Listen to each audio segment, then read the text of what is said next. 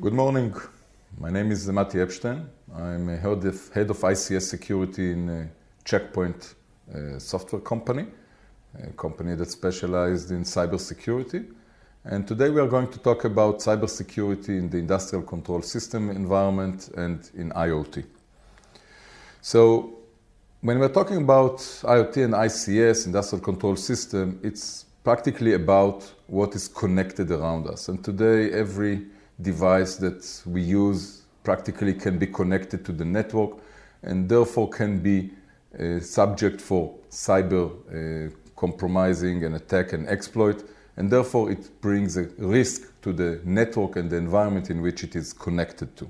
We can see those uh, devices in the office, we can see those in the industrial environment, shop floor, we can see it in medical devices, in security system, video, and more and more.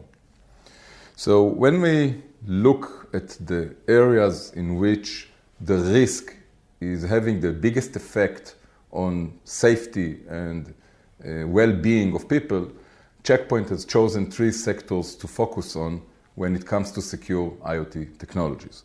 The first one is the office environment, what is called smart office, smart building. I will call it the enterprise IoT, in which building management systems, elevator, air conditioning, although the same would be with smart TVs uh, or video surveillance in the office. So this is an area to look at and to secure because it's a very vulnerable environment, devices which are connected without really paying attention to security. The second area, which is a very critical one, specifically relevant in these days of the corona, is the healthcare, hospitals. And specifically, we are relating to medical devices that are connected to patients and connected to the network and are definitely easy to hack. And the first area is the ICS, the industrial control system, the industrial environment, where utilities, electricity companies, manufacturing of any kind are using this technology on a daily basis to manage and to control their systems, and therefore any exploit of those systems is subject to potential damage and maybe even risk to the population around us. Those are the, considered as critical infrastructure, of course. So when we are looking deeper into this industrial world, we see that all the areas of our life are being supported by industrial control systems, SCADA systems, and therefore, as I mentioned, those are critical to our health and to our security, and we have to secure it better. What are the main risks to those environments? The fact is that assets, devices in the industrial environment are vulnerable is due to the fact that this is an industry of 40, 50 years old, and the devices and the equipment that it was developed in order to perform industrial processes uh, is vulnerable to security from the simple reason. Nobody really thought about security when those products were designed and those, when those networks were uh, installed in a factory or in electricity grid. We are talking about hard-coded password. We are talking about legacy operating system, and so on and so on. Another factor to look at is how a hacker can compromise an ICS network. And when we look at reality, it's much easier to send an email to the IT department with an attachment, and in this attachment there might be an embedded malware that whenever this attachment will be opened, a PDF file, an Excel file, the malware will scan the network and will look for industrial protocols, industrial components. So IT kind of attacks, ransomware on the other hand, and so on are the most dominant t- type of attacks that we see uh, in the industry in the last few years, and therefore this affects very much the way that we would like to secure this environment. So when we come to secure ICS network, the first challenge that we have to face is to know what exists over there. And to know means that since we do have many vendors, many type of products, we have many protocols, we have old equipment, new equipment in terms of generation, IP-based, serial-based, and so on. The first challenge that we have is to know what we have in order to be able to secure it. So this is something which represents very well the ICS environment, the fact that when you come to the CISO and ask him, okay, let's secure, what do you have to secure? He said, I don't know, and we have to give him a, a solution for that. So to look at it in a holistic way, in terms of what security of ICS is about, there are three major factors. The first one would be to provide visibility based on the discovery of the assets and the protocols and the communication in the ICS network. But security, but sorry, but discovery and visibility is not security. And therefore, the next part would be enforcement. And this is the important one because uh, by the end of the day, when you would like to secure something, you have to set security policies, you have to segment the network, you have to make sure that allowed or not allowed is very well set in the policies that the enforcement tools, the firewalls, and all the technologies of security can provide. So, having discovery, having enforcement, two separate challenges, technically speaking. But if we are able to correlate those two and build some transformation of the data that we learn from the discovery and push it to the enforcement tools, to the firewalls, if we are able to build some mechanism of automation that will translate the information that we have learned into specific policies of security that are relevant to the environment at this given moment, this would be the best way to provide an end-to-end solution. And this is the focus of how Check Point sees cybersecurity solutions for ICS environments. So when we look at the concept and the philosophy of the security, as I said, we have to relate to the attack vectors.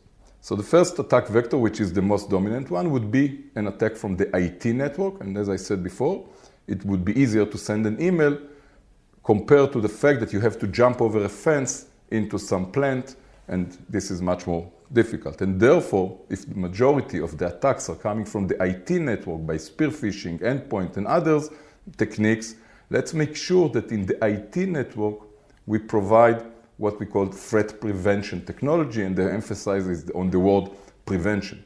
Let's try to prevent, of course, after identification of known or unknown zero days attacks, let's try to prevent those in order to eliminate the possibility that those attacks were practically targeting the OT network and not just the IT. So the first level would be to use any technology of prevention in the IT network for the security of the IT as well as the security of the OT and the ICS networks. The second level would be segmentation, meaning we do have IT networks, we do have OT networks, different departments, different people, different uh, philosophy of operating those systems. Let's build a segmentation. Let's put an access control layer between the IT networks and the OT networks. And then let's look into the OT network, which is characterized with the SCADA protocols with the variety of products, variety of vendors that exist over there, and let's provide dedicated technologies of security to this environment. As I said, the first challenge in the ICS network would be to provide discovery and visibility on the environment. So Check Point took a decision that instead of developing discovery technology by itself, it will collaborate with companies which are focused and their expertise is discovery and visibility in the three areas of IoT and ICS that the company would like to focus on. As I mentioned before, the building management and the smart office, smart building environment. The second is the medical environment, and the third is the ICS. So we do have a collaboration, technical collaboration with a set of companies that you can see on this uh, slide.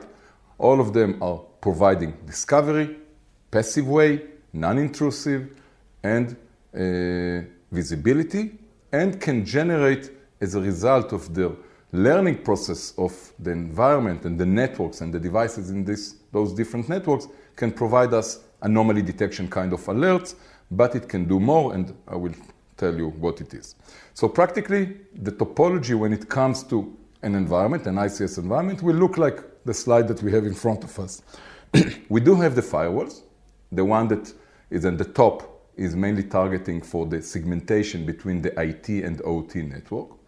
At the bottom, there might be additional firewalls for micro-segmentation, for more in-depth visibility of the SCADA communication, VLANs and subnets that cannot be seen by the firewall at the segmentation above. And those firewalls definitely are being managed by a Check Point management platform and perform uh, logging and enforcement and policies that are manually set by the manager of this uh, network. But in order to provide a better visibility and discovery of the information, we are adding one of the third party vendors in order to tap to the network and to monitor it and to learn the asset information, asset management, behavior analysis, network connection, who communicates with whom, pattern of behavior, baseline communication between one asset to the other. And this is being done by tapping to mirror port of the routers, the switches, and Check Point firewalls in the network. And by ongoing real-time learning, the discovery vendor, one of those that are in our ecosystem, will learn and will send the information of the assets to the Check Point management in addition to recommendation of policies as this solution, as this product is capable of providing. This is being pushed based on APIs in real time, all the time to the Check Point management and create objects of the logs and automatically the recommendation of those policies that are being accepted from this uh, third party vendor will be translated by the CISO, by the manager of this network, into actionable policies to the firewall in the environment. What might it be? It can be better segmentation, access control. It will block connection from PLCs to uh, IP, external IPs. It will allow a specific protocol or even set of commands to be sent from one device to the other and not to allow or at least alert on any kind of commands or protocols that might be seen in the network. It will provide virtual patching. We do know by the discovery tool that we do have a firmware to a PLC and we can associate this firmware with known CVEs related to this firmware. Based on that, we can activate in the firewalls IPS intrusion prevention techniques, IPS signatures that can detect exploit on this specific vulnerability and prevent it if possible. So all of those are ways of improving the security to the network based on information that is being learned in real time and ongoing by the discovery vendor, which is provided by a third party company, one of the those in the list that we are co- cooperating with. So this is the concept. This is applicable in ICS networks, in medical environments, in building management, in smart office, and so on. The only difference would be who is the discovery vendor, but the integration to the Check Point management is based on the same method, the same APIs, the same technique, and the outcome is a full integration, end-to-end solution, discovery, enforcement, and the connection between the two. So let's take an example.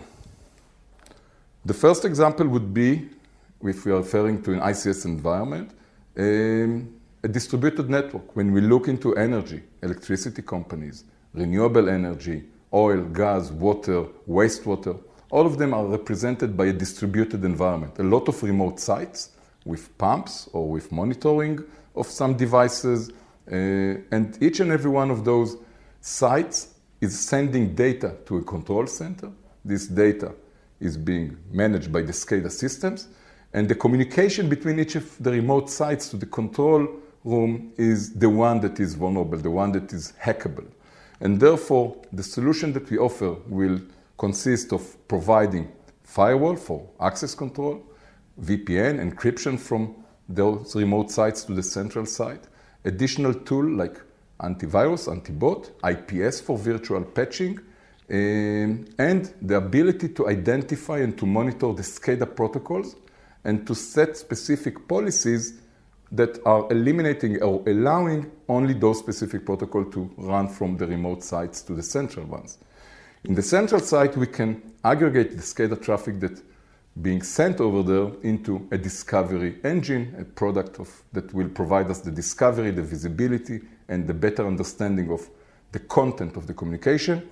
And this will be pushed to the Check Point management in order to provide the best policies for the, for the scenario that we have in front of us. So this topology is applicable in all of those different infrastructures that we are using on our daily life and can serve the, same, the purpose of security. Another scenario would be for additional type of sites that are a lot of standalone remote locations. It can be in the transportation area, like parking, like bus stop, Uh, it can be video surveillance in a city level. Uh, it can be lighting systems. What all of those are represented is the fact that they are spread over a city, over a smart city environment, over an agriculture kind, agriculture kind of uh, needs, and all of them are sending information either to the cloud or either to some central site, and they need the same level of security. We wouldn't want that somebody will hack a, a smart meter or will hack a parking uh, machine and will manipulate the money exchange that runs over there. In order to do that, we are providing a gateway, ruggedized one, one that can deal with the communication challenges like cellular, like Wi-Fi, can connect to the network and to the devices in this remote site based on some IP connection, maybe even serial connection. All of those are supported with a single device. And here is an example we are showing in the city of Tel Aviv how the uh, cameras that are installed along the streets in order to inspect parking and uh, par uh, public transportation lane uh, traffic and any violation is being captured by pictures that are being sent to the control room and the firewall in the box on those uh, poles is a Check Point firewall that can encrypt, can provide the access control and send over cellular the pictures to the control center. So looking at this environment of capabilities, we are talking about, to summarize it, the ability to monitor and to uh, identify and detect attacks while it's still in the IT network and prevent it as much as possible in this environment. We are referring to the need for segmentation and even micro-segmentation when it comes to a, uh, a production environment or a utility network. And when we look into the SCADA and the ICS networks, we do have the discovery capabilities, we do have the enforcement capabilities, and we have the integration between the two in order to provide end-to-end solution which will cover the needs of this environment and will provide a, one solution, one management with a single vendor. By that, I hope that you can uh, secure your networks better. Thanks a lot. Have a nice day.